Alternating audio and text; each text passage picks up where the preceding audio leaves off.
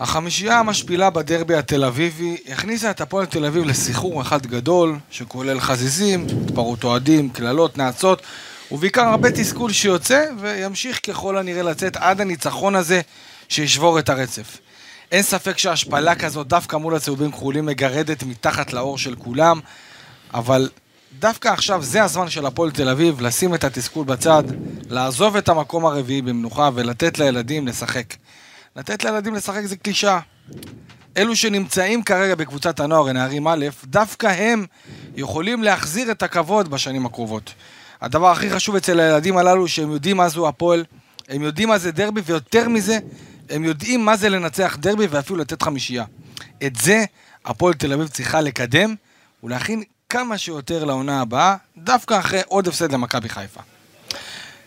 פתיח, מתחילים. אתם מאזינים לפודקאסט הפועל תל אביב, בערוץ הפודקאסטים של וואן.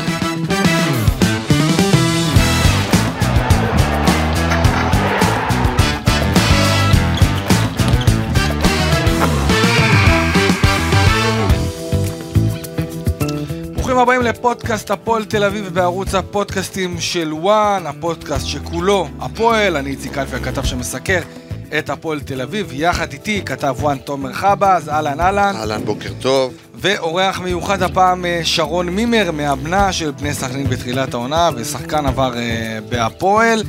אה, אהלן שרון. אהלן, בוקר טוב. מה נשמע בימים אלו? בסדר גמור, נחים, מתרעננים. תתכונן לקראת העונה הבאה? צוברים אנרגיות חדשות לקראת האתגר הבא. יש איזה כיוון לאתגר הבא או שעדיין מחכים לא, בסבלנות? כרגע אין, אה, מחכים בסבלנות. אוקיי.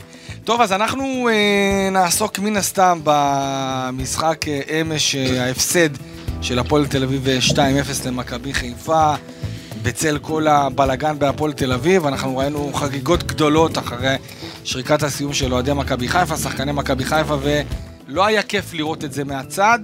2-0 מכבי חיפה כאמור מנצחת אה, בבלומפילד, ובאמת שבוע לא פשוט עבר על הפועל תל אביב. כל הבלאגן שקרה עם האוהדים אחרי הדרבי, זה מה שמן הסתם נראה אותו קדימה עוד אה, אה, כמה וכמה אה, מקרים, ועוד יהיו עוד הרבה דברים בעקבות ההפסד המהדהד הזה. אה, ומן הסתם אנחנו רואים עוד איזה משהו שמתפתח גם עם רצף אה, אה, עם מכבי חיפה, עוד הפסד למכבי חיפה, ואנחנו נדבר על זה בהמשך, אבל תנו לי כל אחד אה, כותרת מההפסד הזה אתמול של הפועל תל אביב. אני חושב שמי מי שציפה שהפועל תל אביב תצליח אה, לשים בצד את כל מה שקרה לה בשבוע האחרון עם כל האירועים וכל האימונים שבמרכאות לא התקיימו, קשה מאוד. קשה מאוד לשים את זה בצד, לבוא, אה, להתרכז במשחק כדורגל בצורה נקייה. ניסו, בסיטואציה הזאת, מכבי חיפה זו לא הקבוצה שאתה תתאושש מולה. שרון? לדעתי הטראומה של הדרבי וההרכב החסר שהם הגיעו למשחק נגד מכבי חיפה גרם למשחק להיות אה, ברובו חד צדדי. אה, זהו, זה, זה סיפור המשחק לטעמי. שרון, כמה השפיע כל, ה... כל האירועים, גם, גם התבוסה הזאת בדרבי ה-5-0? כי אתה יודע, מן הסתם, אה, אתה יודע, הדרבי הזה כבר עבר, והפתיח שלי בכולו עסק בדרבי, כי עדיין הרגשתי, והיה אפשר לראות את זה באופן ברור, שהשחקנים סוחבים את מה שקרה בדרבי, הם סוחבים את מה שקרה באימונים, את זה שהשחקנים יצאו אחרי אימון ביום אה, אה, שישי, ופשוט אה, היו צריכים אה, ליווי, וגם של מאבטחים וגם של משטרה, יריקות, קללות, לא נעים. איך אפשר להתכונן למשחק הזה? באמת, אה, נגד אה, קבוצה כמו מכבי חיפה, משחק שאתה יודע שאתה צריך את כל השחקנים שלך בשיא שלהם כדי להוציא משהו. איך אפשר, איך אפשר, מה, מה, מה עושים בתור מאמן שצריך לנטרל את כל הרעשים האלה מסביב ולצלוח את המשימה הזאת כדי להחזיר קצת מהכבוד? אני אגיד לך, יש, יש שני דברים שקרו בעקבות הדרבי הזה. אחד, מבחינה מקצועית, אני חושב שבחצי הראשון נגד מכבי תל אביב, הפועל תל אביב היו מאמינים והיו לטעמי יותר טובים אפילו ממכבי תל אביב. הדרך שהקבוצה הפסידה עם ההרחקה של שי אליאס וההתפרקות אחר כך גרם מבחינה מקצועית באמת לשבר גדול. כי, אתה יודע, הם מאוד האמינו בעצמם. מצד שני, ההמשך עם הקהל ועם החיבוק דוב של הקהל, שהוא מצד אחד הוא באמת שווה לטעמי 10 נקודות לפחות אה, במשך העונה. הקהל הטוב. בליגה, לדעתי גם לפחות. לטעמי, ו... אבל ה... החוסר העיבוד פרופורציות אחרי הדרבי, אני חושב, היה לרועץ להפועל תל אביב. הפועל תל אביב היא, היא אולי מועדון גדול כרגע, אבל הם אה, צריכים להבין שהם לא כרגע במלחמה עם שלושת הקבוצות הגדולות, לא מבחינה תקציבית, לא מבחינת סגל שחקנים, ואם ימצאו את האיזון הזה בין אה, קהל גדול ושם גדול של קבוצה מול אה, סגל כרגע שהוא לא שמה, אז האיזון הזה יגרום להם ללכת למקומות יותר טובים. אבל אותי מעניין, שרון, אתה יודע, בתור אה, מאמן, תיכנס רגע לנעליים של קובי רפואה. איך אתה מנהל שבוע כזה שאתה בעצמך כואב לך, וקובי קיווה מאוד להיות זה שיוציא את הפועל טבעי דרך חדשה לפחות בתחום של הדרבים, לשבור את הבצורת הזאת של אה, שמונה שנים, אז גם לו לא, זה היה קשה. אגב, אתה... אגב, חוץ מהרעשים שהיו אה, מחוץ, ל, מחוץ למתחם חודורוב, היה גם אימון שפוצץ. אותו אימון אה, מדובר שבגללו ינקוביץ' אה, הושעה עד היום בעצם. כן. אני, אם אני אקח את קובי, אם אני בנעליים של קובי, הוא עשה הכנה טובה לדרבי. כמו שאמרתי, הוא פתח את המשחק בצורה טובה, הפועל נראו ממש טוב, ואפילו יותר טוב ממכבי תל אביב. הדרך שהקבוצה הפסידה בגלל הרחקה אה, מטופשת, אין ספק שהכניסה גם אותו לסוג של מצוקה מנטלית. ועוד פעם, כל ההמשך עם הקהל, אה, לא גרם גם לו לשקט, היה צריך לחבר את השחקנים לדרך, וזה קשה מאוד שהקהל לא איתך.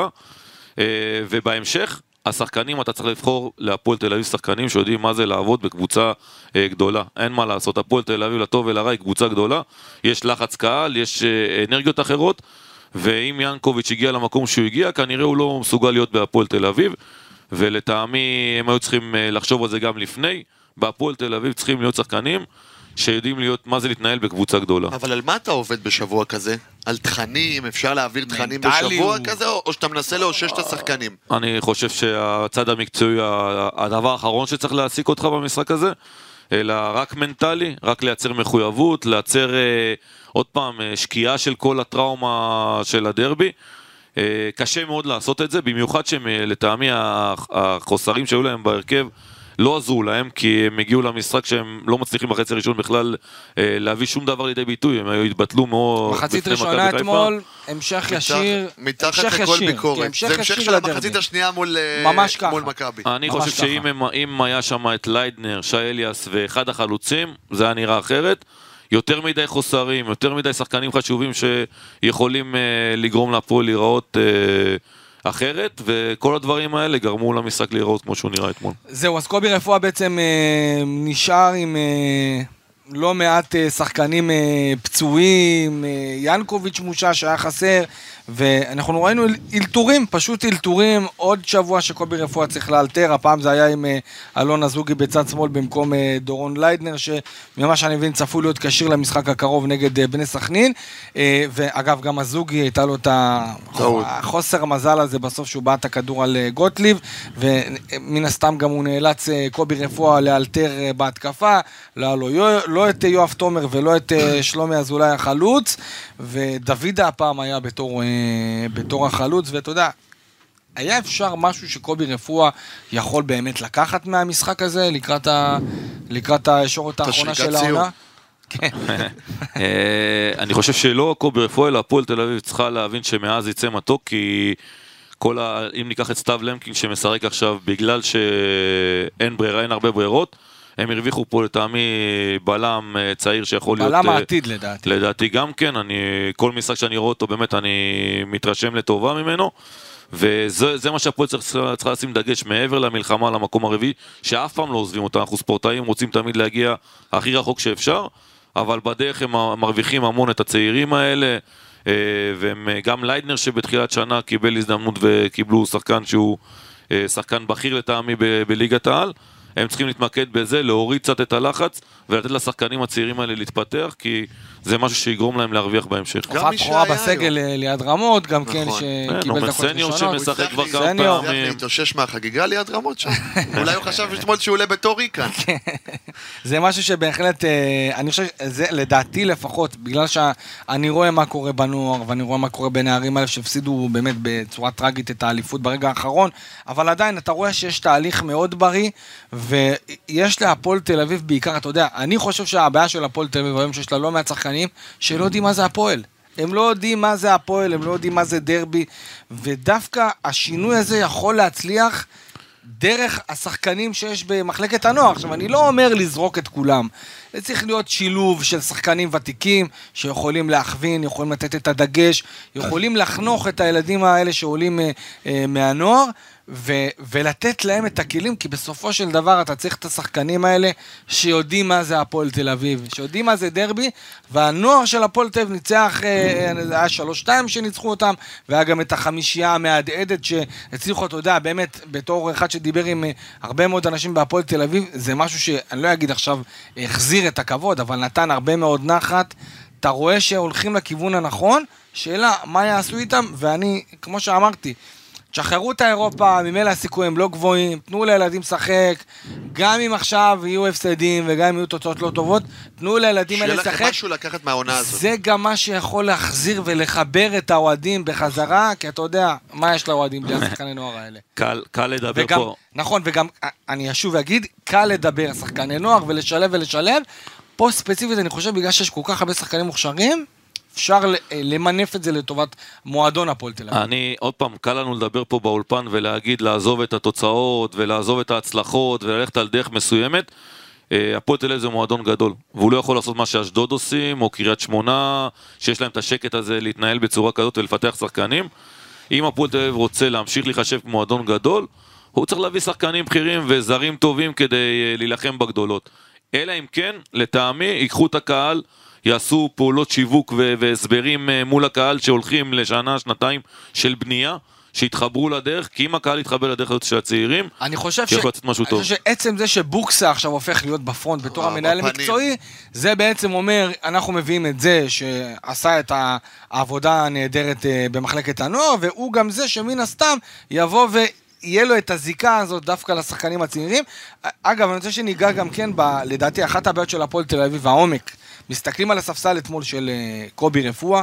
לא היה לו את מסתכל, מי להכניס. מסתובב אחורה, הוא רואה את סרנבסקי, אחי מרדכי, טוויזר, אה, ליאון מזרחי, ליד רמות, ישראלוב סניור, טרידובסקי. בגלל זה הוא אוקיי. עשה שני חילופים גם. נכון.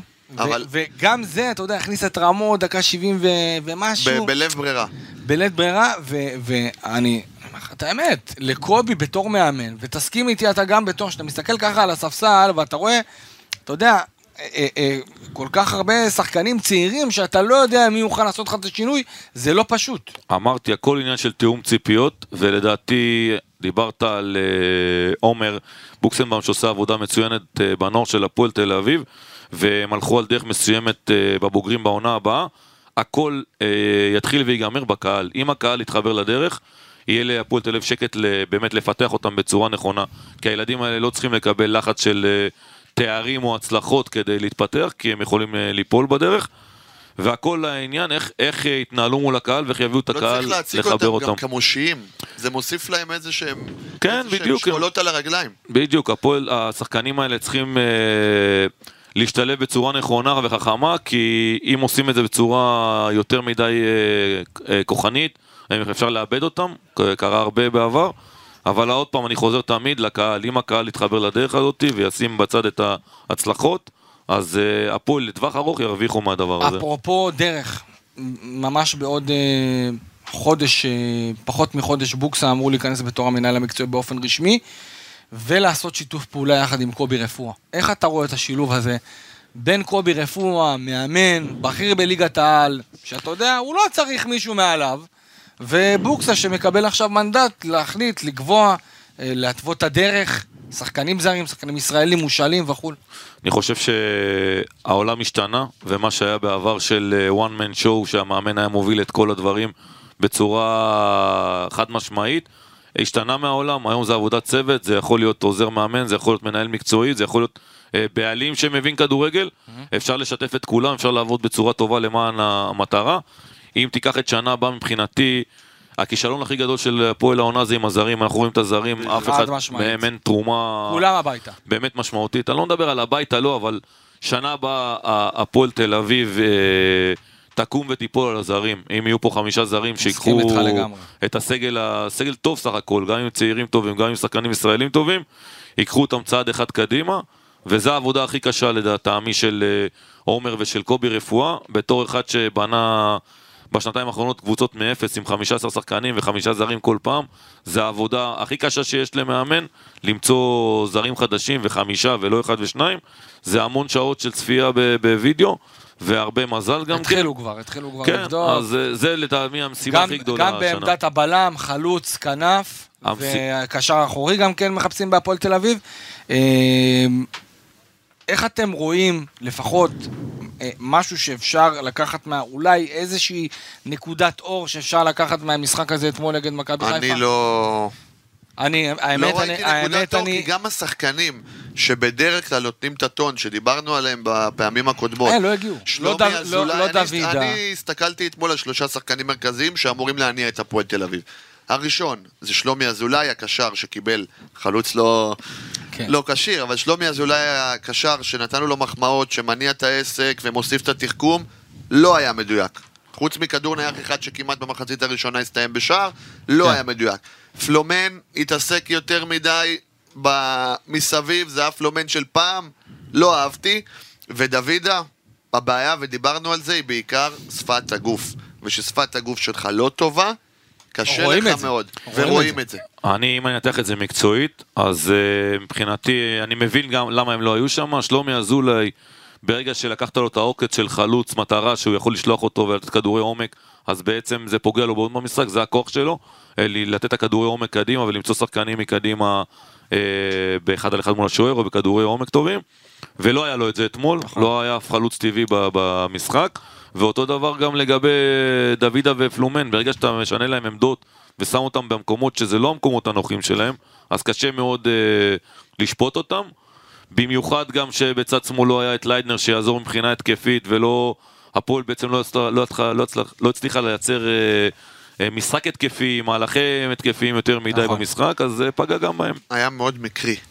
לא ראית איזשהו... לא, לא, לא היה משהו לא מסודר. היה כדורגל שאתה אומר, לא- במחצית הראשונה בדרבי, היה נכון. בסדר. מחצית ראשונה, לדעתי, מחצית אחת הטובות של הפועל. אתמול גם במחצית השנייה שהפועל הראתה שיפור מסוים, תשמע, קובי נתן לא להם בראש, מהלכים. קובי נתן להם בראש במחצית, בעיקר עבד איתם על עניין הלחץ, אתה שהשחקנים יותר נלחצו ויותר התקפו. וזה היה יותר ברמה של לחימה ולתת את מעצמך, כן. זה לא היה ברמה של כדורגל. כן, ה- ה- בוא נגיד הגישה והאגרסיביות של שחקני הפועל מחצית שנייה, זה משהו לדעתי שהוא יכול להתנחם ולקחת קצת לקראת המשחק הזה נגד בני סכנין, אבל בגדול אני חושב שהפועל תל אביב אה, באמת אה, היה לה מאוד מאוד קשה למי שקצת דיבר עם השחקנים ויצא לדבר עם כמה, היה להם מאוד קשה בשבוע הזה, זה במיוחד באמת... אה, שהיריבה היא מכבי חיפה, אתה יודע, אם זו הייתה יריבה אחרת, כן. אולי עוד היית מצליח לגרד איזושהי תוצאה טובה.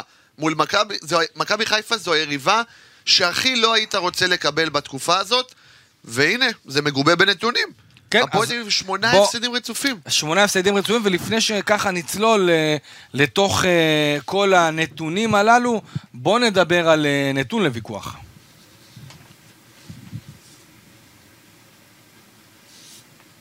נתון לוויכוח. כן, אז נתון לוויכוח, שמונה הפסדים רצופים של הפועל תל אביב למכבי חיפה בכל המסגרות. שימו לב, זה רצף ההפסדים הכי ארוך של הפועל תל אביב מול מכבי חיפה.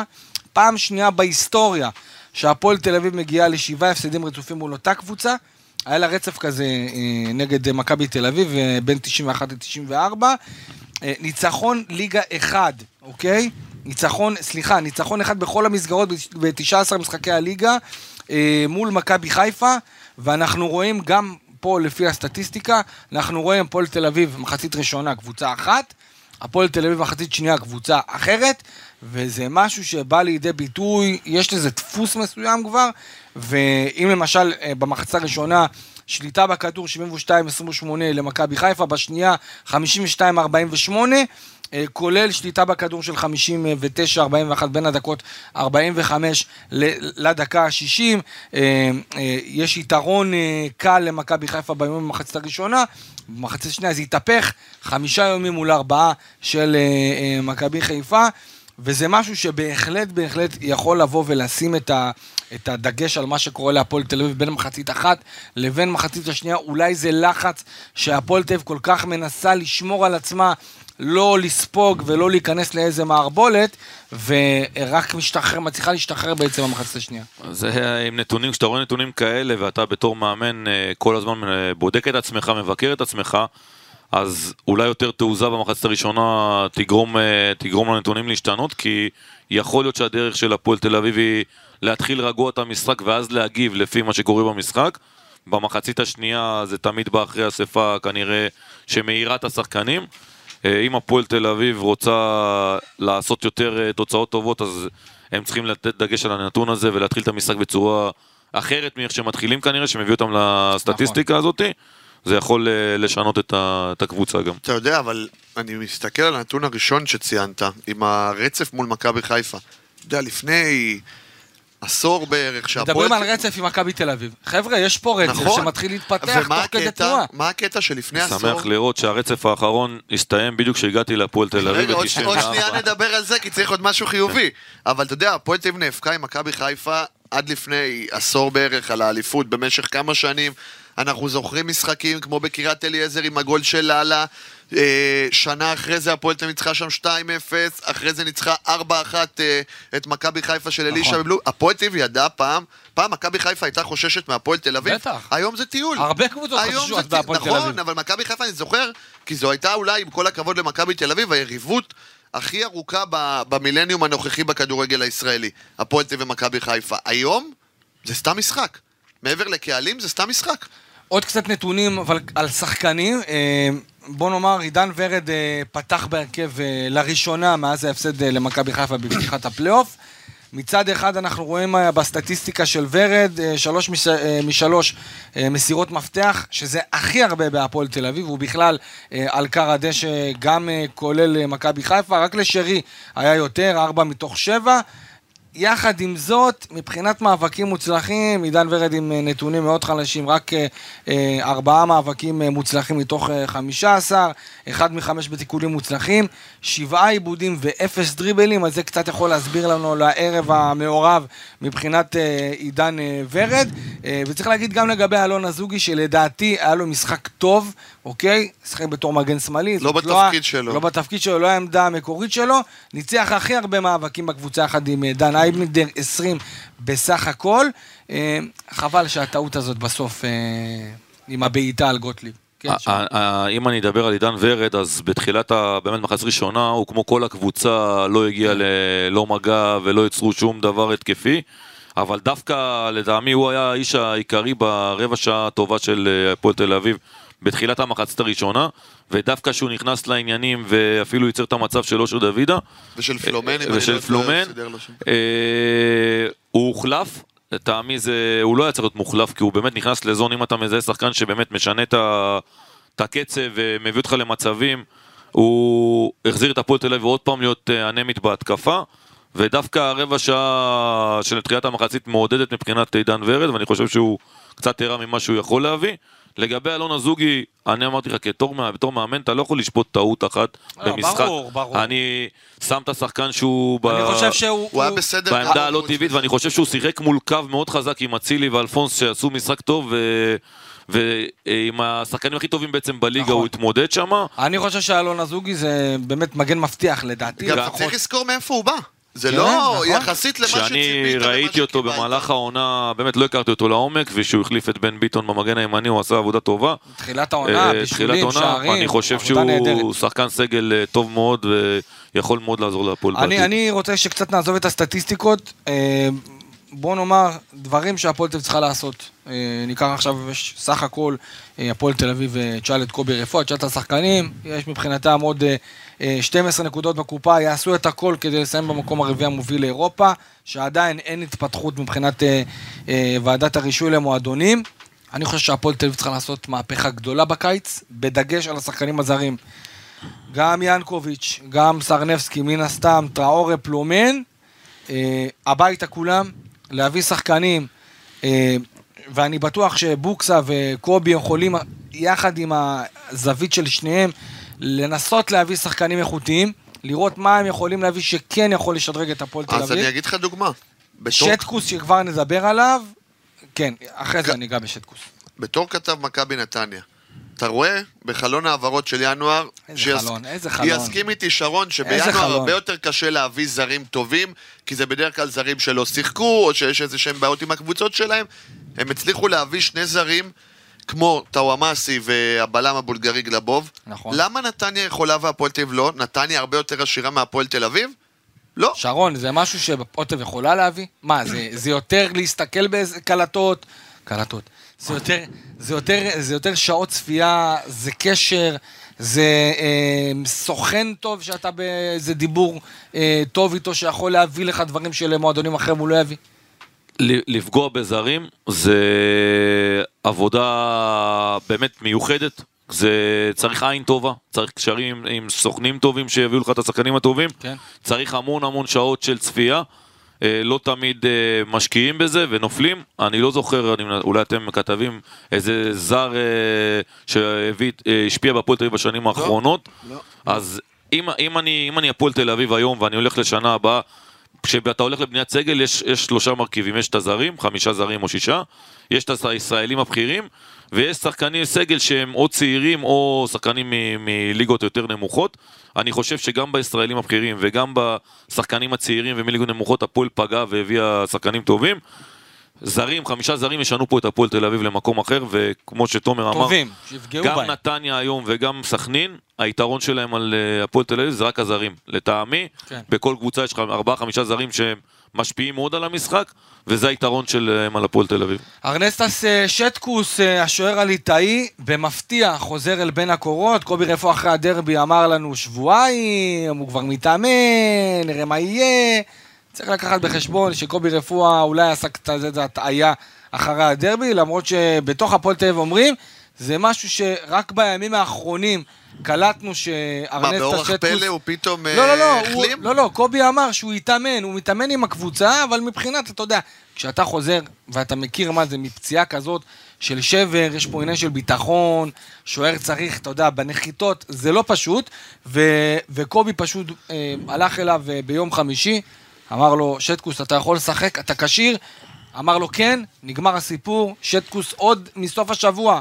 יודע שהוא פותח בין היה לו הקורות, גם את השקט. אפילו בלי המבחן כשירות, המבחן כשירות הזה זה לא היה באמת אה, אה, מדד לאם הוא יפתח או לא יפתח, קובי בא עם זה מהבית, אה, איך אתם רואים את אה, ההופעה לו שלו, שקט, קלפי, ורגע, האם, אחרי שתגידו איך הוא היה, האם שטקוס צריך להישאר בתור אה, שוער הפועל תל אביב, או ללכת לאיזה הרפתקה ישראלית אחרת? אני חושב שקודם כל, אה, אם ללכת להרפתקה אחרת, אני קודם כל חושב מה הפועל תל אביב צריכה לשאול את עצמה, מה היא רוצה להשיג.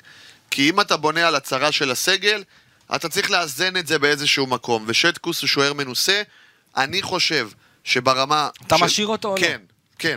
כן, שרון? אין הרבה יותר טוב אני, מזה. אני, לא, להבדיל... אולי תבוא אני- תגיד לי, אני- בוא נראה איך הוא יסיים את העונה, לא, אני ואז אגיד נחליט. לך את זה, זה- שטקוס הוא מניה בטוחה, אתה יודע מה הוא ייתן לך, אתה לא צריך לראות אותו בהמשך, אבל לטעמי, יש הרבה שוערים ישראלים טובים היום אני- בשוק. אני איתך. וכמו שראינו שהם פנו לרובי לבקוביץ', אני לא חושב שהוא ייתן פחות משטקוס אה, באותה רמה. ינק- גם ינקו, גם אגב. ינקו יכול להיות, רפי, יש מלא שוערים. שוער. בית בהפועל תל אביב. יש הרבה רפי פחות שוערים. עם כל התביעות שלו, אבל... אה, כן. אבל, לא, אבל... אני מדבר על שוערים ישראלים, אני חושב שיש שוערים ישראלים שיכולים אני לתת מסכים לך איתך תפוקה לגמרי. כמו שטקוס, ואז אתה מרוויח בשדה עוד שחקן זר אני חושב שיכול ש... לשדרג אותך. אני חושב חד משמעית, אה, הפועל תל אביב צריכה ללכת על שוער ישראלי, שטקוס לטעמי מצוין, ספורטאי. אתה יודע מה, ה- הפספוס שיכול להיות אם הפועל תל אביב תשחרר אותו זה אולי האישיות שלו, אבל זה מה שאני מסתכל אישיות. עליו. אני פחות מסתכל על זה ככה, כי אני חושב שהפועל תל אביב, יש מספיק שוערים טובים, ואפשר ללכת על שוער ישראלי, לא צריך להתבייש, ושטקוס עם כל הכבוד, אני, אני חושב שגם, אתה יודע, יש לו ניסיון, הכל, באמת, אני, אני מכיר אותו עוד מהתקופה שלו בהפועל באר שבע. תסתכל על שאר הקבוצות בפלייאוף הפלייאוף העליון. כל החמש קבוצות הם שוערים ישראלים, נכון, והם לא בדיוק. בדקות. בדרך אתה יודע, כלל יש את אריאל הרוש שלא מקבל דקות ויכול כן. בכיף להיות שוער הפועל תל אביב. יש הרבה שוערים ישראלים טובים. איתמר. ניצן. ארוש- ארוש מסכן, מה שהוא עבר עם הפועל תל אביב, אתה כן. רוצה להחזיר אותו לזה? לא, עדיין, אני חושב שאתה יודע, אם המשקעים האלו עברו, ארוש לדעתי יכולה להיות אופציה נהדרת להפועל תל אביב. אה, אני רוצה עכשיו שנעבור לפינה הבאה, והיא לא פחות מעניינת, פינת בין השורות, בואו נעבור אליה. בין השורות. קובי רפואה, ציטוט. כמקצוענים נצטרך להתאושש ולעשות הכל. יש פה אנשים חזקים שיודעים לצאת עם מצבים כאלה. זה השבוע הכי קשה בקריירה שלי. אה, שרון, באמת, אתה יודע, קצת נגענו בזה בהתחלה. קובי רפואה בתור מאמן. מביא את הפועל תל אביב, לדעתי, באחת העונות הטובות של הפועל תל אביב, מגיעה לפלייאוף עליון. אה, מצליחה לעשות תיקו טוב נגד הפועל באר שבע. אה, מנצחת את בני סכנין, מנצחת את נתניה.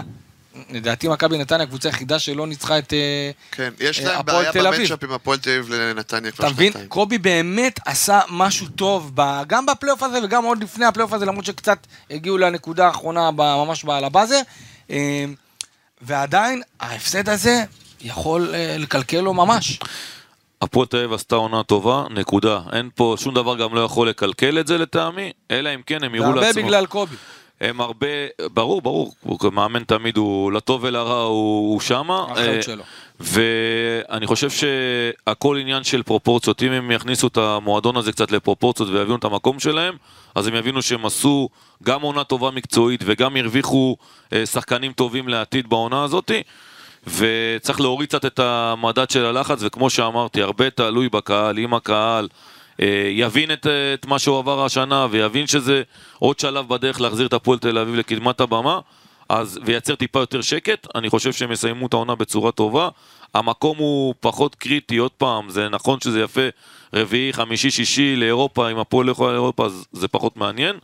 אה, צריכה לסיים את העונה בצורה טובה, מכובדת אה, כמה שאפשר, ולקחת את זה, למשוך את זה לעונה זו הבאה. הבעיה, שהפועל תל אביב באמת, זה או סקנדל או פסטיבל. גם בהקשר של קובי. הוא פתח את הקדנציה הזאת, הנוכחית, עם רצף מדהים, נכון. כולם שיבחו. אה, היה רצף פחות טוב, ביקורות. פתאום ניצח את נתניה, טקטיקן אבל גדול. גם אני חושב שצריך להסתכל על... צריך להסתכל אבל על קובי גם, אתה יודע. מה יש לו, עם אבל הכלים שיש לו, נכון? אנחנו רואים את קובי רפואה מאמן כמה שנים. אנחנו יודעים מה טוב ומה פחות טוב. אני לא אוהב ש...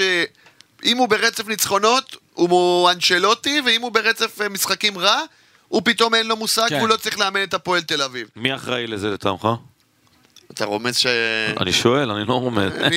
שמע, כל הכדורגל הישראלי בנוי. על, בנוי על הרבה אמוציות והמון, אה, גם אתה קובי יודע, מאוד אמוציונלי. כולם, כולנו, כולנו בתוך העסק הזה ויודעים שיש תקופות יותר טובות ופחות טובות וזה חלק מהחוויה בלהיות ב- במקצוע הזה. צריך להתמודד גם עם הרגעים הפחות טובים, לא צריך להתרגש יותר מדי ממה, מתקופות פחות טובות, אלא לעשות את מה שצריך כדי לשנות מומנטום. מומנטום לא נשאר לנצח, לא טוב ולא רע, תמיד גלגל שמסתובב, וצריך לעבור את התקופות הפחות טובות פשוט. יש איזה שהם דברים שאתה אומר, אה, אתה יודע, הפועל תל אביב בתקופה לא טובה, דיברנו על הנתונים במכבי חיפה, אבל אתה בשנות התשעים ככה בהפועל תל אביב, אה, ספר לנו איזה משהו, אתה יודע, חיובי קצת עם כל ההפסדים האלה. אתה יודע, אנחנו היינו בפועל תל אביב כשאני הגעתי, יצאנו למחנה אימונים, היה חיים רביבו איתנו, ובאמצע המחנה הוא נרכש על ידי מכבי חיפה ועזב אותנו, ואז הכותרות יצאו שקבוצה צעירה, המון צעירים הגיעו באותה עונה, וקבוצה אפורה שכנראה תתמודד על ירידה. זה 93. 94, 94 5, 94 5, וזה מה ששמענו לאורך כל הדרך. אני אומר לך בתור שחקן צעיר שעלה אה, מהנוער, אה, לא, לא, לא צפו טובות מהעונה הזאת, אני יכול להגיד לך שזאת עונה אחת הטובות שלנו, הגענו אפילו לאירופה, כולל ניצחונות בדרבי, כולל אה, משחקים אה, מצוינים, ובאמת נגד כל הציפיות קיבלנו מלמטה. ואת זה אמרתי, עוד פעם אני אגיד, שהפועל תל אביב תעשה קצת שקט, ותבוא טיפה מלמטה, היא יכולה לייצר דברים אה, יפים. ברגע שהלחץ נכנס, פה זה כבר אה, צריכים להיות שחקנים ממש מיוחדים כדי לעבור את, ה, את הרגעים אבל האלה. מה עשה את ההבדל? כי באותם שנים גם אתם הייתם סגל, אה, בוא נגיד בעדינות, די אפור. אפור, כן, מה אפור. אתם הצלחתם להביא שניצחתם אה, 4-2 בדרבי ומול מכבי חיפה ניצחתם? כן, אה, כן, גם היה לנו ניצחונות על מכבי מה חיפה? הם הגדולות. אה, מה ההבדל? לא יודע, אתה יודע, גם אנחנו קיבלנו הרבה שחקנים צעירים, זהבי אזולאי, תומר אליהו, אייל בן עמי, קובי הדדי, הרבה שחקנים ממחלקת נוער שעלו. אה, הייתה מחויבות שלנו למועדון מקסימלית, לא ידענו משהו אחר בעצם. אה, וזה התחבר באמת לקבוצה חזקה, מלוכדת. אמרתי, לא היה את הקהל של היום, הקהל לטוב ולרע, מה זאת הקהל, אומרת? הקהל הוא לא היה, פנאט? הקהל של הפועל היום עלה כמה דרגות קדימה, לטוב ולרע, אמרתי, הוא שווה לפחות 10 נקודות בעונה, כי ההצגות שהוא עושה, אני... מה היה אז? היה פחות, היה פחות. בכמות? היה יותר- יותר כפיים, יותר יאללה, בדיוק, לא היה הפועל. את הטירוף, לא היה את הצורת עידוד, אני הייתי אתמול בבלומפילד, זה פשוט אה, צמרמורת לראות אותם מעודדים. אה, מצד שני, גם לא היה את הלחץ הזה. הקהל גם לא היה מלחיץ בצורה כזאת, ולא בא לאימונים בצורה שהם. אה, באים. איך? רשתות חברתיות. כן, לא היה את הדברים האלה, היה. עולם אחר, הלחץ הוא לא היה ברמות שהיו היום, אז אה, התמודדנו איתו בצורה יותר קלה. היום צריך להתמודד עם הרשתות, עם התקשורת בצורה אחרת. כמות תקשורת שיש היום היא לא כמו שהייתה פעם, אז uh, היום זה קצת יותר קשה להתמודד, והם צריכים, מי שרוצה להיות בעסק, אז צריך לדעת להתמודד עם הדברים האלה. איזה סיפור פיקנטי יש לך על התקופה ההיא? אולי איזה משהו עם מכבי חיפה אפילו? לא, האמת, האמת שדיברתם על רצפים, אז אני הגעתי, ציינתם אחרי תקופה של מכבי תל אביב של 4-5 שנים, שהפועל לא ניצחה בדרבי, והדרבי הראשון שלי היה ברמת גן, נגד קבוצת כוכבים שלקחה אליפות באותה שנה עם אה, דרור קשטן, קלינגר, דריקס, נימני וכל השותפים שלהם. ועשינו הפתעה גדולה וניצחנו 4-2 ברמת גן, זה הדרבי הראשון שלי וככה אני... אה, זה החוויה הראשונה שחוויתי מדרבי, היו לי עוד ניצחונות בדרבי בהמשך. יכול להגיד לך שאין אין הרגשה יותר טובה מלנצח בדרבי, וזו גם הסיבה שהטראומה היא גדולה בהפסד הזה לדרבי. אין משחק שאתה יכול להשוות לדרבי, מי שגדל באחת הקבוצות בפועל או מכבי תל אביב, וזה מה שאני אקח תמיד לכל החיים שלי, את הזיכרון הזה אז מהדרבי אתה יודע מה, הראשון. בגלל זה, אם אנחנו נעשה עכשיו חיבור להתחלה ולנקודה הזאת, מה המשמעות של השפלה כזאת, 5-0 בדרבי נגד מכבי תל אביב, רצף של שמונה שנים, שאתה יודע, אוהדי הפועל תל אביב, אתה יודע, יש, יל... יש אוהדים שהיו בני 21 או בני 13 בניצחון האחרון. אולי, אתה, אתה מבין את הגודל של העניין הזה, ו, ואני חושב שאחד הד- אחד הדברים שאולי לא מבינים, זה שלא מבינים מה זה באמת דרבי. מה זה באמת השפלה כל כך גדולה לקבל חמישייה וללכת אחרי זה לעבודה, לבית, למשפחה. אנשים היום חיים את זה, אתה יודע, יש ילדים באמת, כמו שאתה אומר, אוהדי הפועל, שלא יודעים מה זה ניצחון. לך תספר להם שלפני אה, עשור, קצת יותר, בתקופת הדאבל, מכבי היא זו שלא ניצחה חמש שנים, וגם שהיא ניצחה בפעם הראשונה אחרי זה בדרבי המקלות, היה שם עימות כן. בסוף, והפועל נתנה רביעיות, ומכבי הייתה רועדת מדה סילבה ומשכטר ומ... ומזהבי עוד בתקופה שהוא היה אדום. אנשים לא... תספר להם את זה, הם לא יאמינו. עוד פעם, השתנה, השתנו הדברים, אה, מה שהיה לפני עשר שנים, אה, קשה לי להאמין שיחזור, כי היום הכסף הגדול שגולדהר מכניס למכבי מייצר יתרון מאוד גדול כמועדון למכבי על הפועל תל אביב. בנוער עוד מצליחים למזער את זה, וכיף לראות, אתה יודע, מה שעושים ב... בנוער. לגבי ההפסד בדרבי, אני יכול להגיד לך שיש הבדל בלהיות בן אדם שגדל בהפועל תל אביב, או להיות אוהד של הפועל תל אביב, לבין שחקן שבא מבחוץ, או אנשים שבאים מבחוץ. וזאת הבעיה. זה הבדל גדול. אנחנו, אמרתי לך, גדלנו מגיל שמונה וחצי, גדלתי בהפועל תל אביב, אני יודע מה זה דרבי, חוויתי דרבים לכל אורך הדרך, והגענו לדרבי בצורה אחרת. אני יכול להגיד לך שכמאמן הייתי, ב... אימנתי בהפועל חיפה ואימנתי דרבי, וניצחתי דרבי. עדיין זה לא אותו דבר, זה לא אותו קשר אה, ש... של רגשות כמו שיש לך למקום שגדלת בו. אתה יודע, אני אגיד לך משהו, היה לי, הייתה לי שיחה בשבוע שעבר, אחד האנשים באחת הקבוצות אה, בשתי הליגות הבכירות, מישהו שעבד במכבי תל אביב לפני, בשנים שהם היו בשפל בדרבי. כן. הוא אמר לי, אתה יודע, אני מסתכל על, ה... על המאזן בדרבים, מכבי תל אביב עשתה את השינוי באותה תקופה, שהפסיקה להסתכל על הדרבי כעל משחק שהוא חיים ומוות. הוא נתן לי דוגמה, היה קשר במכבי תל אביב דולי ג'ונסון. אם אוקיי, אתם זוכרים, זוכר לפני אותו, 14 בטח. שנים, שיחק בסולנה, סולנה. ואז בא. למכבי תל אביב, הוא אמר לו, דולי, are you ready to the fight? אז הוא אמר לו, what a fight, it's only a football game. הפועל תל אביב מתייחסת לדרבי בעיניי, מעבר למשחק וליוקרה, כאיזושהי מלחמה.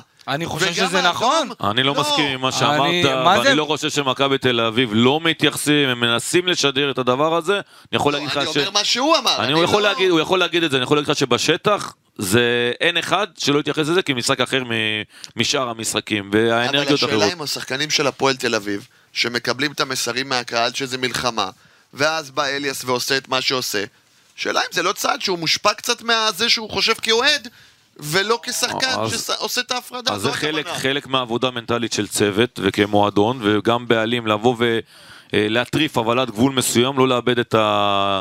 את האיזון של זה, אבל אני חושב שגם הדברים, מה שקרה עם אליאס, הוא ילמד בזה לעתיד וילמדו גם אחרים שראו את זה. ועוד פעם, המשחק הזה הוא, הוא מושתת על אנרגיות, לא יעזור כלום, הוא אנרגיות שונות מכל משחק אחר. ואי אפשר להוציא את זה, אין דבר שיכול להוציא את זה, אנחנו רואים את זה גם בעולם בכל משחקי דרבי, שהם לוקחים את הכדורגל לקיצון, לכל מקום, אה, למקום אחר משאר המשחקים. אני חושב שההתייחסות לדרבי צריכה להיות התייחסות כמלחמה ספורטיבית חד משמעית. אבל ספורטיבית. ספורטיבית, זה אמרתי, מה שאני אומר, אמרתי. ספורטיבית. לא לאבד את הפרופורציות ולא להגיע למצב שתוקפים שחקנים ותוקפים חברי הנהלה ותוקפים את המנכ"לית של הפועל תל אביב ותוקפים את הבעלים. עצוב. זה, אני אמרתי זה לך... אסור שזה יקרה כי ביום שיקרה, אה, שיהיה נזק בחיי אדם, פה אני אנחנו נתחיל? לדבר ונעשה בפודקאסטים עד מחר, ואיך לא אמרנו, ואיך לא עשינו, ואיך לא דיברנו, ואיך לא טיפלנו בזה כמו שצריך, וזה משהו שצריך לשים עליו את הדגש. לדעתי, הפועל חייבת לבוא לדרבים הבאים, שמצליחים להנחיל לשחקנים מה זה דרבי תל אביבי, ומה צריך לעשות, וכמה חשוב, דווקא בגלל שהפועל תל אביב בפורמה גרועה בדרבי התל אביבי, כמה זה חשוב גם לבוא בראש, לבוא אה, אה, מצד אחד נחושים, רעבים, מצד שני, לא לאבד לבוא, שליטה. לא לאבד שליטה בדיוק. אבל אתה תשלים. יודע, אני חוזר לאותו סיפור שסיפרתי לך במשחק אה, נשים שהייתי בו שבוע שעבר, אפרופו עיבוד פרופורציה. כן. בתור אחד שישב שם ליד, אה. ליד אודליה, ושמע את הקללות שהיא מקבלת מבן אדם שלא צועק לה מהיציע והוא במרכאות גיבור בדיעבד. הוא עומד שתי מטר ממנה ומקלל אותה בפנים, בפנים. אני אחסוך את הקללות, תתארו את הדברים נפש. הכי חמורים. חבר'ה, אף אחד, אודליה פרידמן לא עלתה יום לפני זה לשחק, היא גם רצתה לנצח, ולא חס... אני לא מגן עליה פה באופן אישי. אני אומר, צריך פרופורציות. זה שאותם אנשים בהפועל תל אביב גם רוצים לנצח דרבי.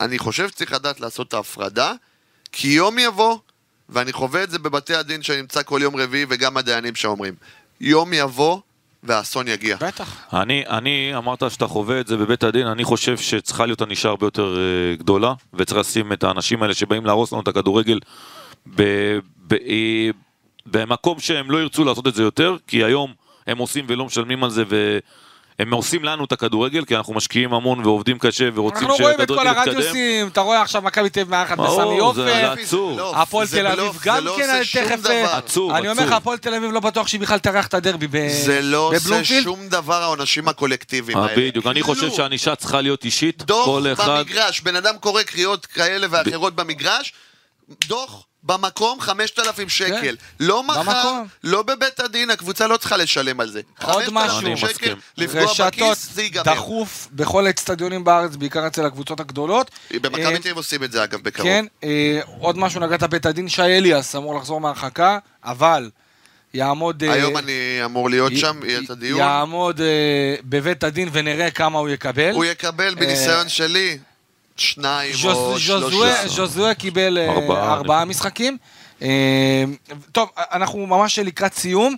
אה, שרון, מחזור הקרוב, האקסיט שלך, בני סכנין, משחקת נגד הפועל תל אביב, הפועל תל אביב ניצחה בסיבוב הראשון, כאמור, את המשחק בתוצאה 1-0, משחק טוב, אז היה של הפועל תל אביב, וכל המומנטום השלילי הזה, שאתה יודע, אה, 5-0 בדרבי, 2-0 למכבי חיפה, זה אומנם שני הפסדים ברצף, אבל זה כמו שישה הפסדים ברצף עם המשקל ולבוא- שיש לדרבי.